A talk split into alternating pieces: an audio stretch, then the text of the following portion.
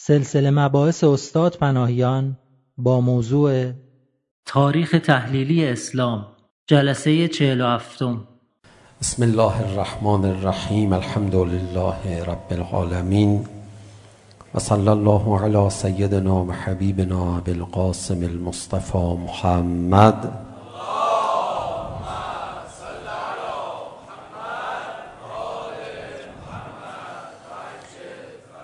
وآله الطيبين الطاهرين المعصومين سيما الحجة بقية الله الأعظم روحي وأرواح الغالمين له الفداء واللعن الدائم على أعدائهم أجمعين إلى قيام يوم الدين رب اشرح لي صدري ويسر لي أمري واحلل عقدة من لسانی يفقه قولی شما حتما تفاوت بین رمان و تاریخ یا قصه گویی های تاریخی رو میدونید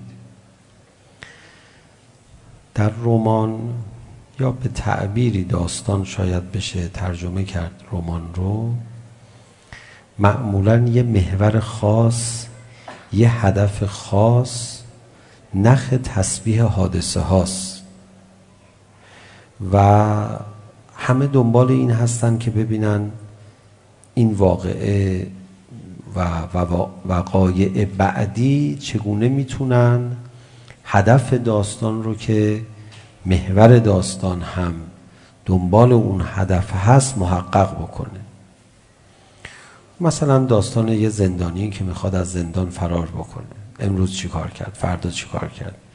رفت اون طرف. بله هزار تا حادثه دیگه هم کنارش شکل میگیره. ولی اون حادثه ها وقتی به زیبایی میچسبه به خوننده و پیگیری میکنه که خواننده بر نگرده بگه خب حالا این حادثه ها چه ربطی داره به این که اون آزاد شد یا نه؟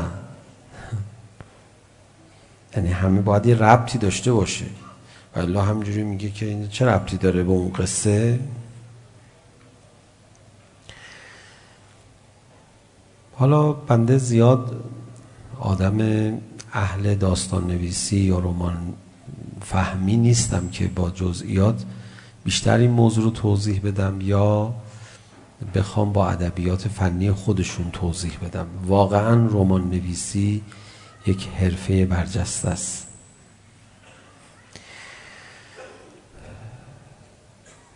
سوال بنده این است که آیا حالا غیر از رمان اجازه بدید یه مثال دیگه بزنم خیلی ملموستر چون اینجوری که من چشمای نورانی شما عزیزان رو میبینم زیاد اهل خوندن رمان نیستید. میگن در مورد رمان قیچی میکنن موقع افتتاح داره صحبت میکنه در مورد چی داره صحبت فیلم سینمایی فیلم نامه یا یک سریال هم همینطوره.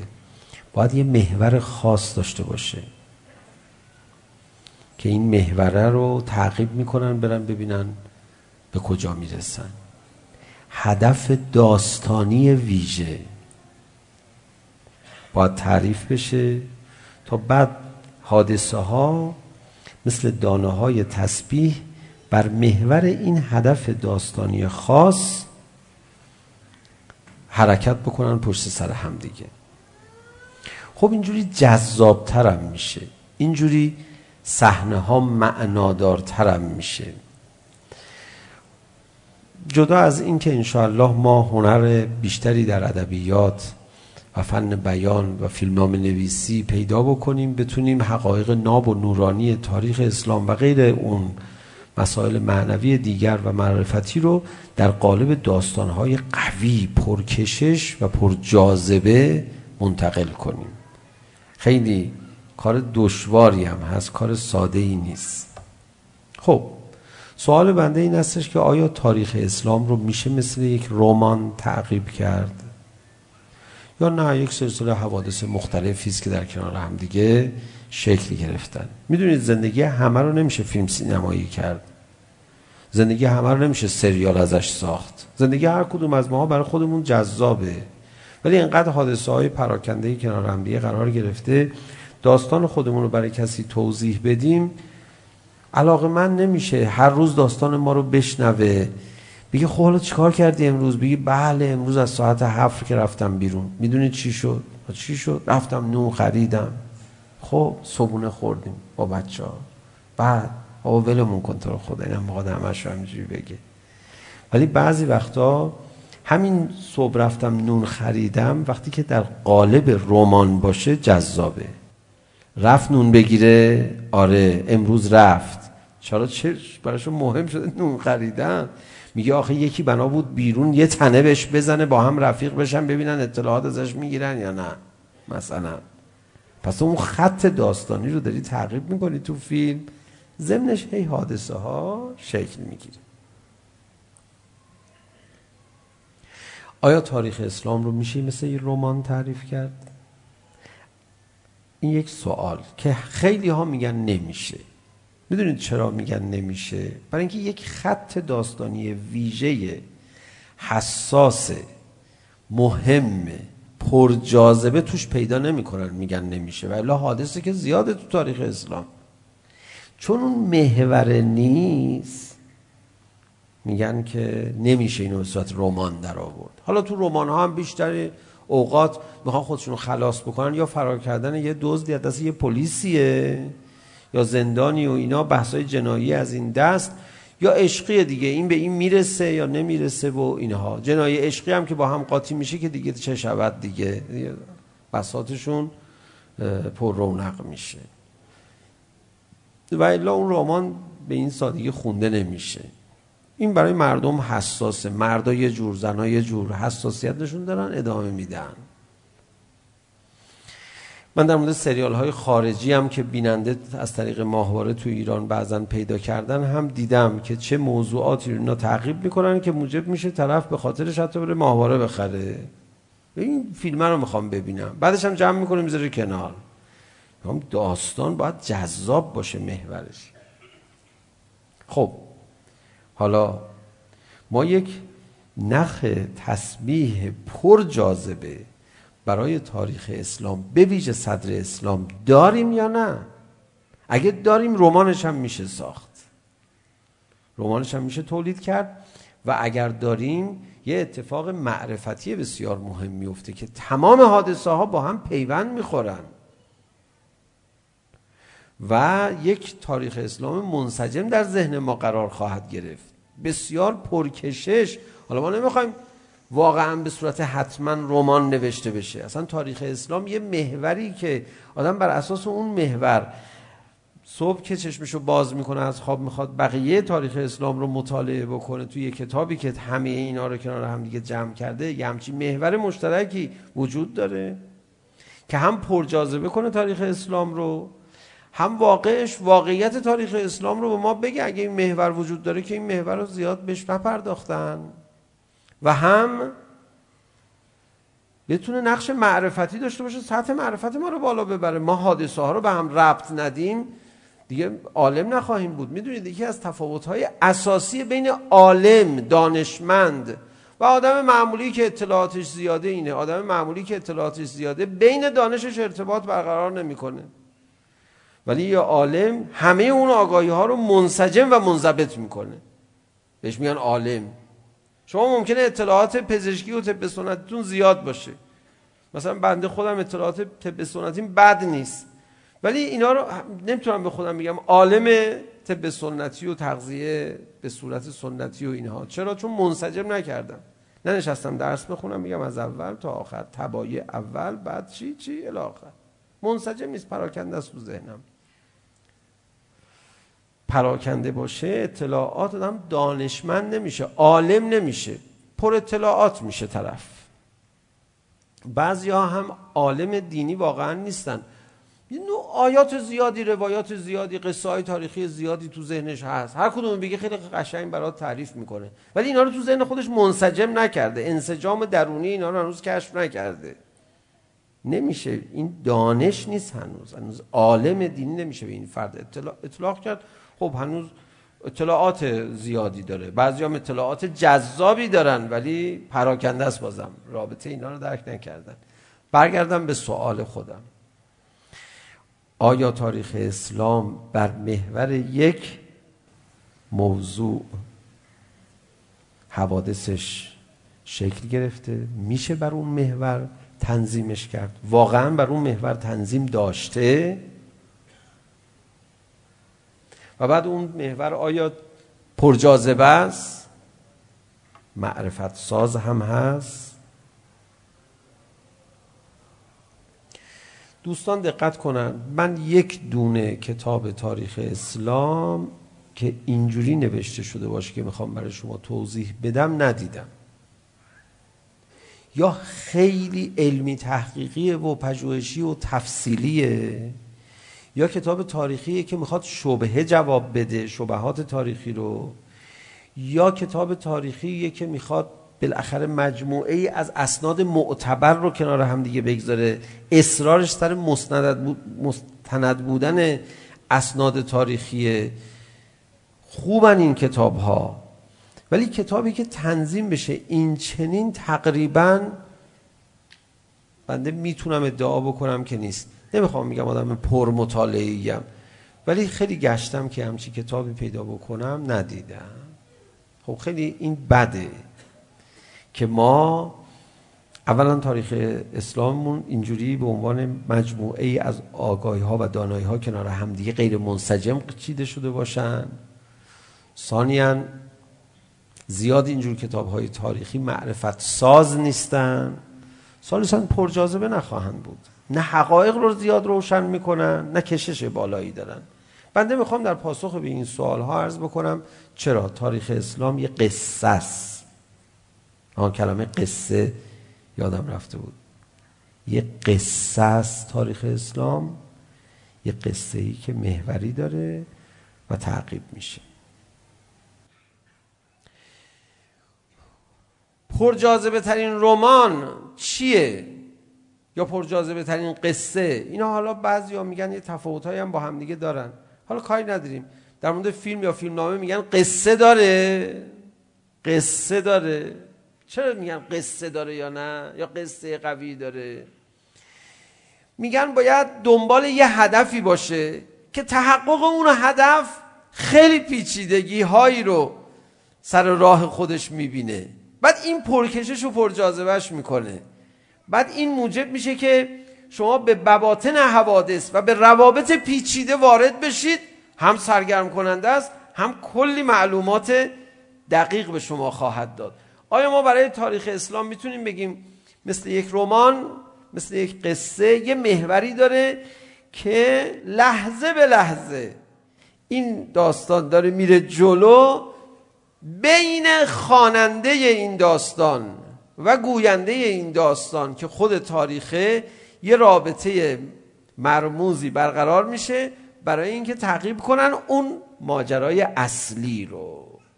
بله داره. تاریخ اسلام یه قصه است یه محور بسیار جذابم داره.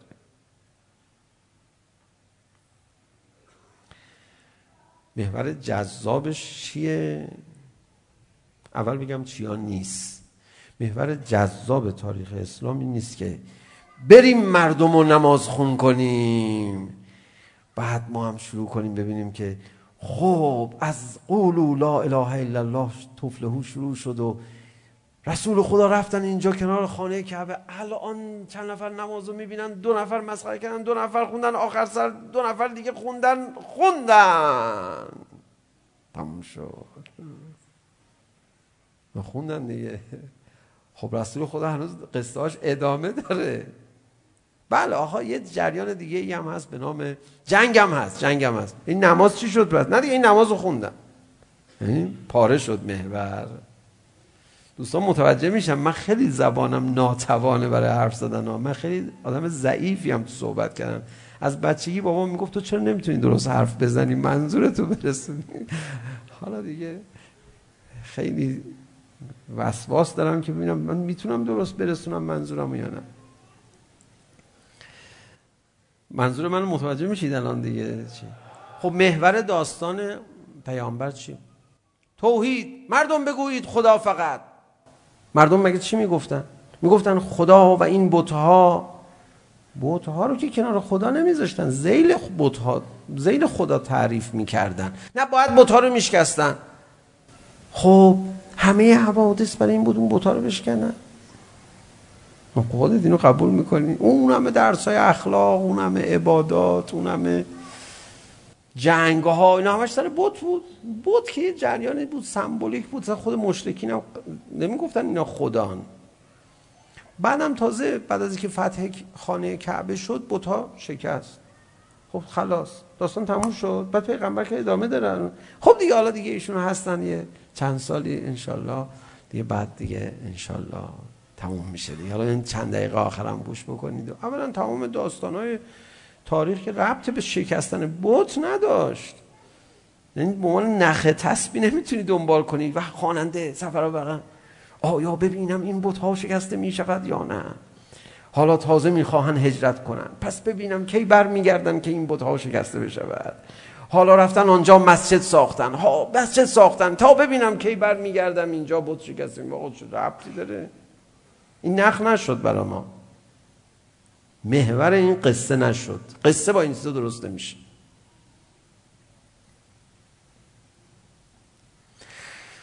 یه سوال جواب بکنم خیلی میترسم شما اهمیت به این بحث بنده ندید فکر کنید من دارم یه سخنرانی طراحی کردم براتون میخوام یه چیزی بگم الان سخنرانی ما شده یه قصه درسته خود سخنرانی ما الان قصه داره کم کم دارید علاقه مند به سرنوشت قهرمان داستان ما میشید که چیه اون آیا دا تاریخ اسلام بالاخره داستان چی داره یا نه محور داره یا نه میشه به صورت یه قصه تعقیبش کرد یا نه حالا قبل از اینکه شما خیلی علاقه من بشید و برای اینکه خیلی علاقه من بشید من به شما عرض بکنم این نکته رو که حالا تو چه اصراری داری تاریخ اسلام حتما به صورت یه قصه باشه همینجوری جذابه دیگه بگو بعدش چیکار کردم گوش میدیم احتراماً میخوام صد سال سیاه احترام من گوش ندی آخه این قصه محور داره منت نزد سر پیغمبر که ما چون احترام به پیغمبر میذاریم داستاناشو بگو ما میشنویم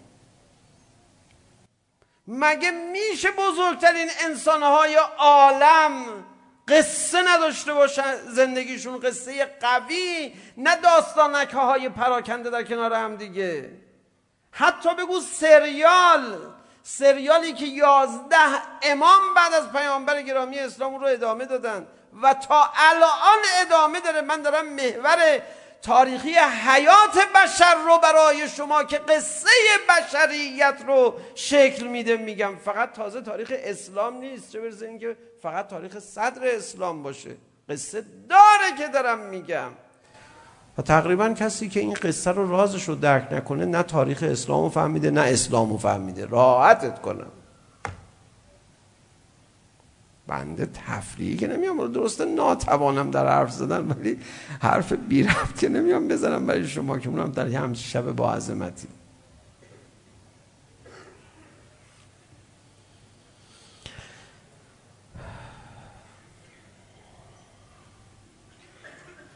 قصه داره.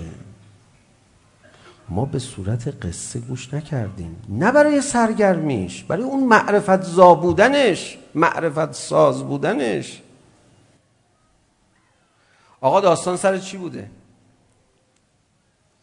امیدوارم ذهن فیلمی و سریالی و قصه ای و رومانی و رمان یعنی داشته باشید. خیلی از این جهت فرق قصه جذاب و قصه غیر جذاب و اینا رو درک بکنید و خیلی حال بدید به این بحثا. یعنی بیاید تو وادی این بحث. من با این موضوع دارم شروع میکنم ولی به جاهای خیلی رفیعی انشالله خواهد رسید. اگر یه محور بخوایم برای داستان تاریخ اسلام پیدا کنیم اون محور نماز نیست روزه نیست حج نیست جهاد نیست خمس نیست زکات نیست. هجاب نیست خیلی چیزا نیست اخلاق نیست کلا بسیاری از احکامم نیست 99 درصد ممیز 99 درصدش چیه پس یه داستان داره پیامبر تو امشب مبعوث شدی از شب اول اول که مبعوث شده رسول گرامی اسلام حتی تمام حادثه های قبل از بعثت در طول عمر شریف و پربرکت و نورانی پیغمبر اکرم در اون چهل سال ربط داره به این ماجرا یه ماجرا از شب اول بعثت شروع میشه اقرأ اقرأ بسم ربك الذی خلق. دوربین فیلم برداری میره از جبرئیل امین شروع میکنه میاره چهره نازنین و فوق بهشتی رسول خدا. تو قار هرا چیه این صحنه؟ راز اون داستانه؟ چی اینجا اینجا چه نکته ای وجود داره که کارگردان دوربین رو یه جور مخصوصی چهره رسول خدا رو باز میکنه فضا رو تا اون نقطه مخصوص دیده بشه. یه نوجوانی به نام علی ابن ابی طالب. گوشه قار ایستاده است. شاهد وحی است. شنونده کلام خداست. و رسول خدا پس از گفتگو به او نگاه میکند. علی تو شنیدی هرچه من شنیدم و تو دیدی هرچه من دیدم فرق من و تو این است که تو پیغمبر نیستی و من هستم بریم آقا ببینیم چی میشه ماجرا شروع شد ببینید ماجرا شروع شد نقش این آقا چیه سب کن سب کن ببینید سب کن میریم جلو داستان شروع شد این داستان دو نفره شروع شد این ماجرای دو نفره آغاز شد هر دو از قار پایین آمده ببینید ایشون نقشش چیه سب کن آقا ما میخوایم خیلی از معلومات دینی رو داشته باشیم که در این تاریخ میخواد آیات قرآن نازل بشه. آقا من میفهمم حرفای تو رو. نمیخوام از جای سوال نداشت. سوال زودرس هم چیز خوبی نیست. میفهمم. اون همه آیه قرآن دانه های تسبیح این تاریخن. با این نخی که شما مطرح میکنید ارتباط دارن امام صادق علیه السلام فرمود تفسیر همه آیه های قرآن ماییم دین نظر دیگه بحث کنیم بیشتر از این دیگه. حالا یه تیکه بگم یه تیکه کوچولو. یه تیکه کوچولو. از اون وسط مسط های این داستان بگم چون شما الان ذهنتون درگیر شده آیا این موضوع محور هست یا نه. الهی فدایش بشوم الهی همه عالم هزار بار فدایش بشوم من ده هزار میلیون بار فدایش بشوم امیر المؤمنین علی علیه السلام در سخنی میفرماید به سلمان و ابوذر سلمان جندب صدا میزدن تو اون روایت ابوذر را به جندب اسم او جندب بود کنیش ابوذر بود در یک کلام طولانی بهشون یه قسمت آخرش فرمودن شنیدید خدا در قرآن میفرماد استعینوا بالصبر و صلاح فانها لکبیر و انها لکبیره الا علی الخاشعین. کمک بگیرید از صبر و نماز و کمک گرفتن از نماز سخت است مگر برای خاشعین. صبر در این آیه پیغمبر است.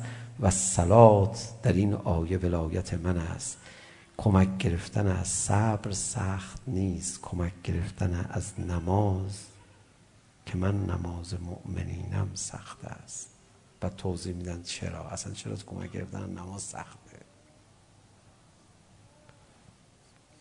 داستانو اگه بلد باشی وسط سریال نیومده باشی یه تیکه ای از سریال رو دیده باشی این آیه هم که نازل میشه میگه ها آها من گرفتم شو دیدین این که وسط سریال میان یه سوالی از سریال میکنن چقدر پرت میزنن من خودم معمولا اینجوری هم نمیشنم که از اول تا آخر نگاه کنم میام از وسط سریال میگم این چرا ناراحت حالا اینو دید میگه آقا دت ول ساکت آقا ول حالا نمیفهمی که تو که من 20 جلسات از گذشته و چی توضیح بدم حالا صبر کن اصلا نمیگن به من میگن تو لایق این معرفت نیستی میگم آخه خیلی تعجب کرد چه آهنگی زد چیه مگه این دوتا بازیگرن دیگه همیشه هم دیگر میبینن بابا خاطی نکنی نمیفهمی آخه سریالو و کسی اینجوری به من نمیگه من اینجا دارم اینجوری اجرا میکنم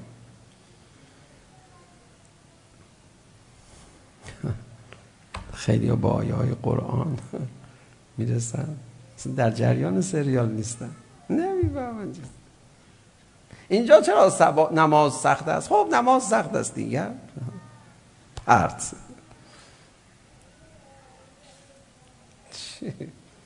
آقا تو باید سریال رو از اول ببینی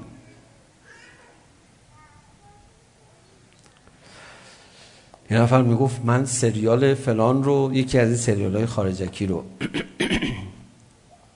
سه رو چهار روز خیلی شمارگانش زیاد بود نشستم همش رو دیدم مریض شدم گفتم باید میمردی مریض شدی گفت نه حسش بگیرده. گفتم اتفاقا یه کتابی رو هم من طی دو روز خوندم. تقریبا داشتم مریض میشدم. فکر نکن حستو نمیفهم یه سریالی توش نوشته بود خیلی عالی. گفت کتاب چی بود؟ فکر کرد واقعا سریال بود. گفتم کتاب فروغ ولایت. کل زندگی علی ابن ابی طالب رو نوشته بود. خیلی کتاب خوبیه. اونی نیست که من میگم ها این حالا یه چیز دیگه است که من دارم به شما میگم. ولی تو سریالشو خودت داستانش رو بلد باشی و اینا رو میخونی دونه های این تسبیح ها رو میندازی تو اون نخ. گوش بدن دوستان. سریال شروع شد. دو نفر اومدن. حالا با هم میرن نماز میخونن. ببین شما قسمت های از این داستان رو دیگه میدونید دیگه. آقا ایشون چیکار میکنن؟ الان نقششون چیه؟ صبر کن. اول فیلم که عمل نمیگن که. 10 دقیقه 20 دقیقه فیلم رد بشه یه دفعه. گره ها باز میشه. بعد تازه انگیزه پیدا میکنی پیگیری کنی. آقا این بچه چیکار میکنه اینجا؟ صبر کن دیگه. من امشب تا صبح نگرتون بدارم من باید این سریال رو تموم کنم. و قشنگ براتون ناتوانم تو حرف زدن دیگه اینجوری مشکل پیش میاد. آقا میریم. نماز میخونن کنار خانه کعبه. این کودک کنارشون داره نماز میخونه.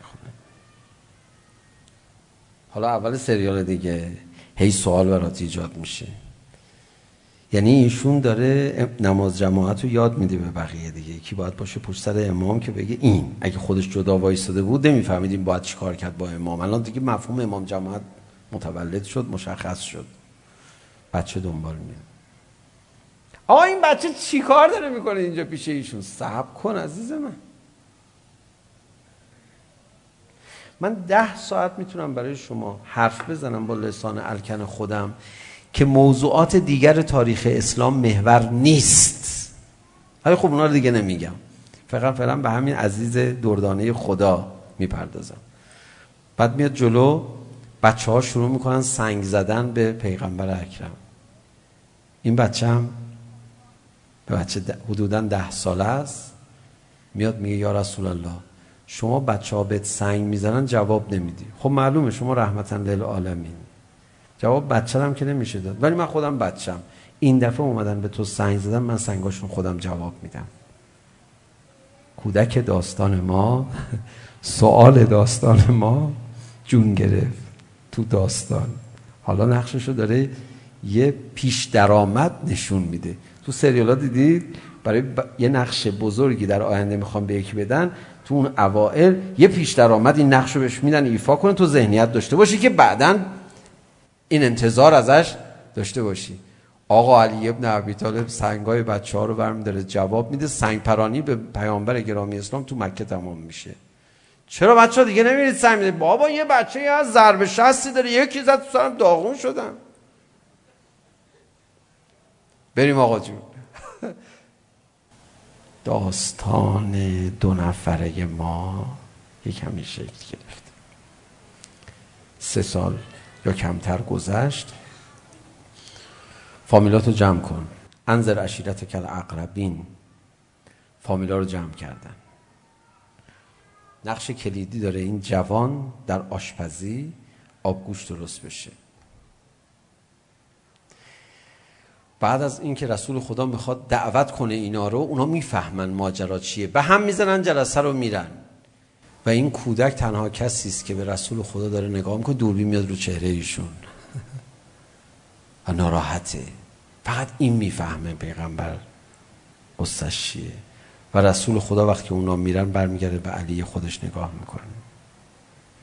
به عنوان کسی که فقط ماجرا رو میفهمه. این داستان دو نفره هنوز داره شروع میشه ها. فردا شب پس فردا شب رسول خدا دیگه ساکت میکنن اونا رو حرف میزنن. بیاید باور کنید پیغمبری مرا. ایمان بیاورید به من. و بعد میگو فرماید ایمان بیاورید سروران عالم خواهید شد. ایمان بیاورید هر که در میان شما اول به من ایمان بیاورد جانشین من خواهد بود. این کودک ده ساله ما برمیخیزد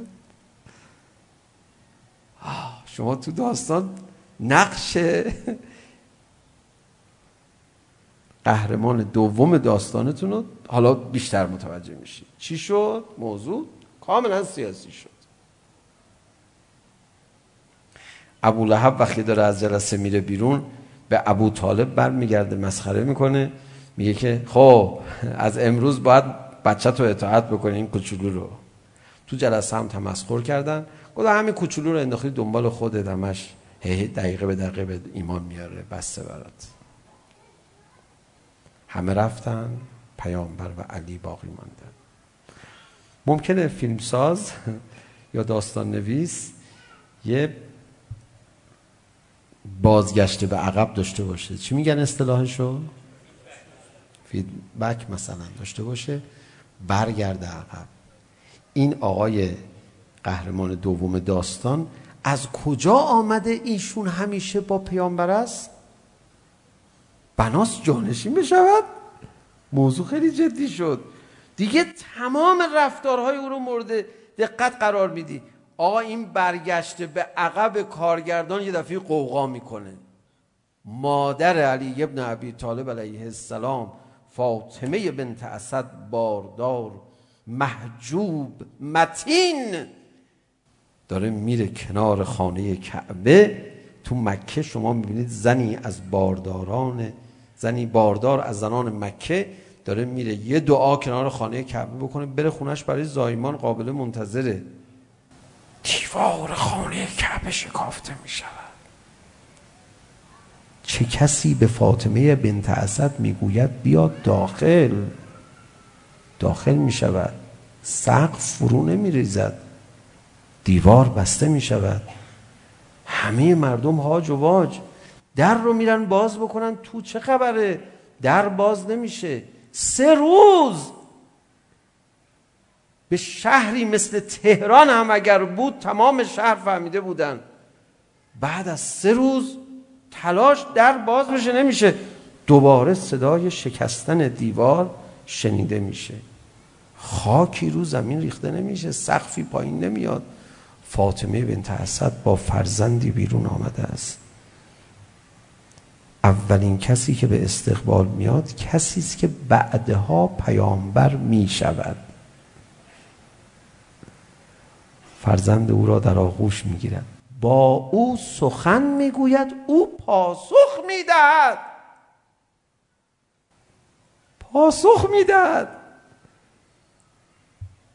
علی جانم بله یا رسول الله. آقا اینا چی میگن به هم؟ بخوانم قرآن را یا تورات را یا انجیل را یا زبور را. بخوان علی جان قرآن را. حالا بعدا من از نازل بشه.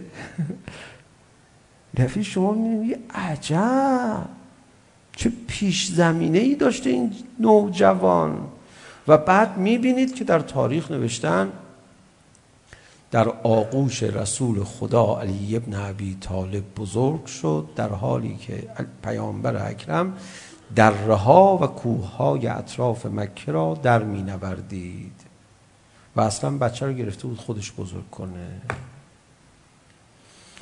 غذا میخورد در دهان خود میگذاشت. بعد از دهان خود در دهان علی ابن عبی طالب پوره درست میکرد میداد. این کوچولوی من من خودم باید بهش غذا بدم.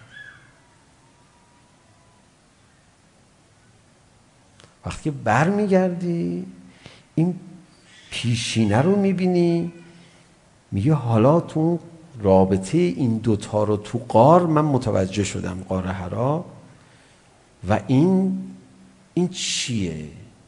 و بعد میبینی رسول خدا در همون کودکی نشسته در جایی که دیگران به سخنانش گوش نمیدهند آموزش میدهد علی را. داستان شروع میشه حالا تازه برات.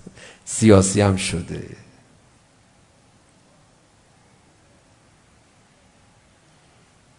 داستان تاریخ اسلام قصه تاریخ اسلام یه محور داره محور تاریخ اسلام چیه این ولایت رو جا بندازه آقا خانه کعبه رو جا بندازه خانه کعبه که جا افتاده بود عزیز من من گفتم اون 10 ساعت رو دیگه با هم بحث نکنیم دیگه 10 ساعت بنا بود بحث کنیم که چیا محور نیست اون که بود از اول الله تبارک و تعالی رو جا بندازه اصلا اونا همه به الله قسم میخوردن کی منکر الله نبود کسی چی داری میگی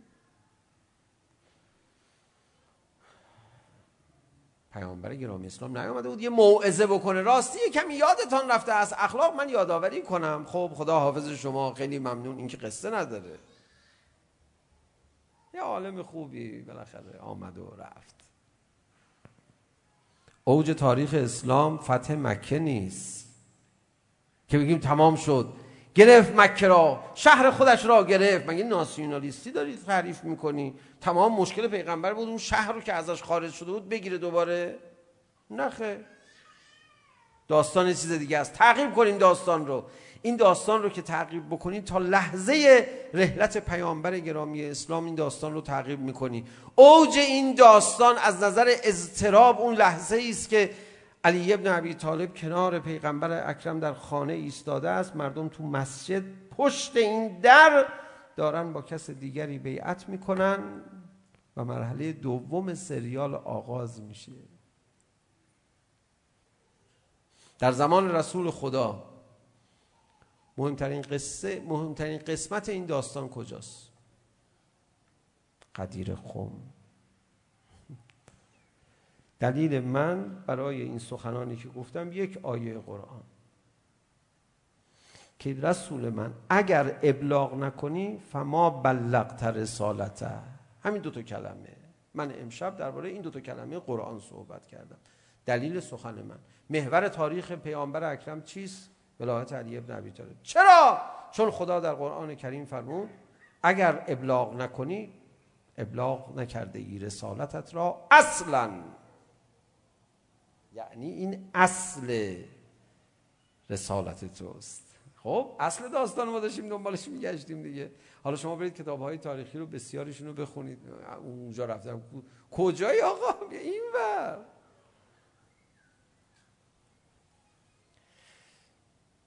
وسط های داستان دوباره تو میتونیم بری عقبتر به پیشینه برگردی ببینید یه پیامبری هست جوان هنوز پیامبر نشده است. این کسی که الان میگوید قولوا لا اله الا الله تفته او به او سنگ میزنن تمسخر میکنن او که بوده است؟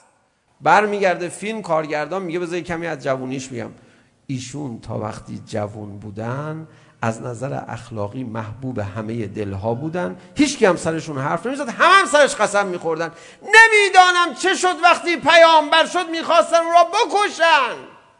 پس معلوم می شود بعثت این پیامبر هیچ ربطی با اخلاق ندارد چون اخلاق قبلش هم داشت محترمم بود خوش اخلاق تر که نشد پیغمبر خوش اخلاق تر که نشد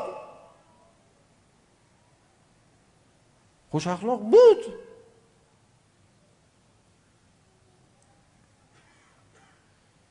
داستان سر بود نپرستیدن نیست قبلا هم ایشون بود نمی پرستید همه می دانستن. داستان سر چیه؟ داستان سر ولایته چرا این آقا تا وقتی یک عارف عالم جوان پاکدامن خوب بود همه سرش قسم می‌خوردن اختلافاتشون و اقوام سر علی ابن ابی طالب سر پیامبر اکرم کنار میذاشتن همچی که ایشون اومد گفت من مولای شما میخوام بشن گفت آ ببین نه نشد ببین یه جوان خوبی بودی قبلا این چه حرفی داری میزنی مولای ما میخوای بشی لذا تو عید قدیر پیامبر اکرم فرمود دو تا جمله راز این سریال رو بهش پرداخت من کنتو مولاهو همه جنگ ها سر این بود من بعد و علیون مولا جنگ های آینده سر این خواهد بود. راز دین ولایت است. راز تاریخ اسلام هم ولایت است. اصل دین ولایت است. محور تاریخ اسلام هم ولایت است. تاریخ اسلام اینجوری بخونید.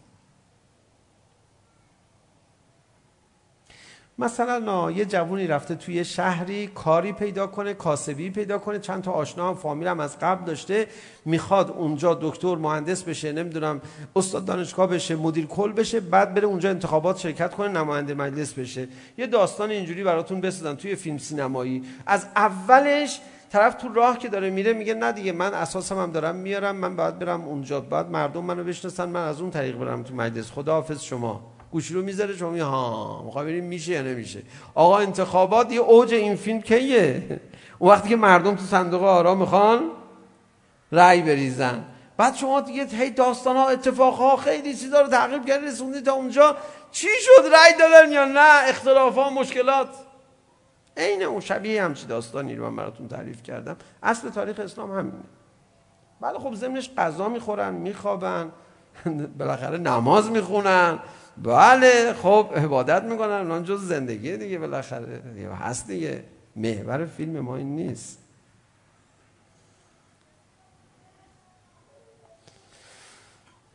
خدایا ما رو با محور تاریخ اسلام با اصل دین خودت آشناتر بگردان این سریال ادامه داره ادامه پیدا میکنه تا کربلا ادامه پیدا میکنه تا غیبت امام زمان ادامه پیدا میکنه تا الان الان من یکی از آخرین صحنه های این سریال رو تعریف کنم برم یا تعریف نکنم برم سریال جذاب یا قبول دارین اخیرا یه اتفاقی افتاده تو این سریال من براتون تعریف کنم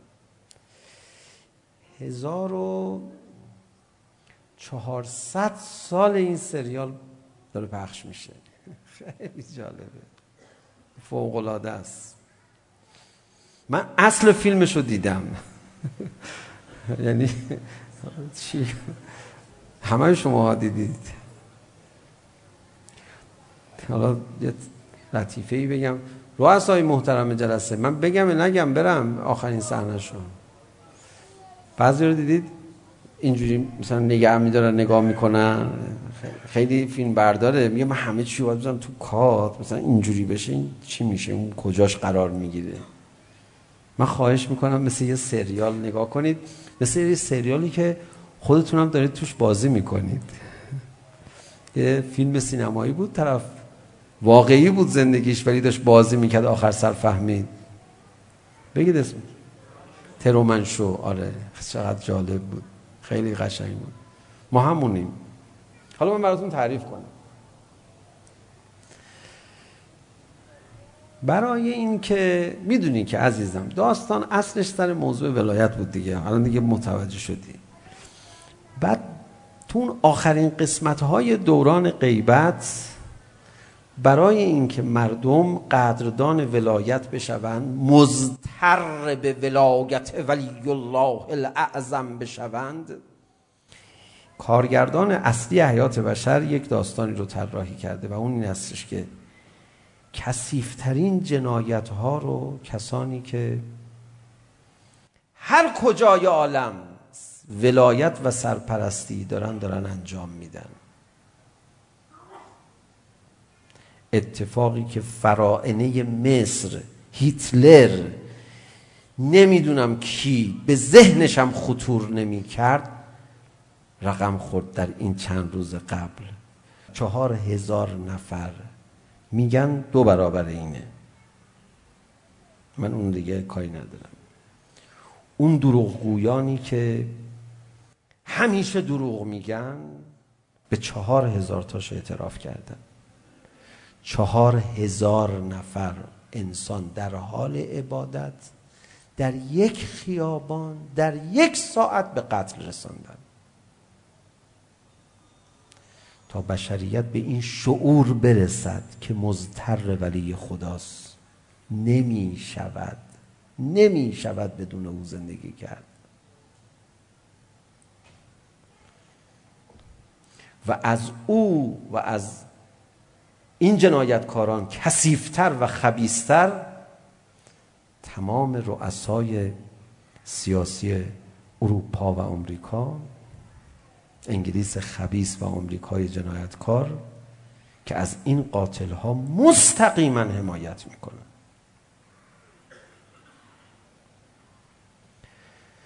که انسان های عاقل و با شعور بفهمن نمی شود با غیر ولی خدا کنار آمد. برای اینکه آن ولی خدا بیاید و این قصه 1400 ساله به پایان برسد در آخرین قسمت ها شما بزرگترین جنایت ها رو از سرپرستان سیاسی جوامع بشری خواهید دید. یک نمونه اش را هفته گذشته دیدید. یک نمونهش سریال ادامه داره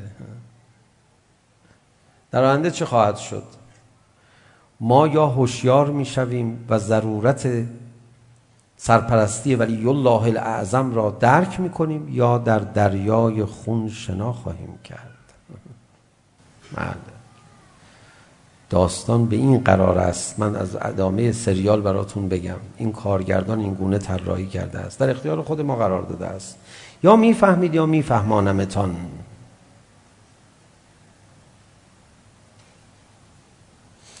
بعضیا هنوز اینقدر آدم های خوش فهمیان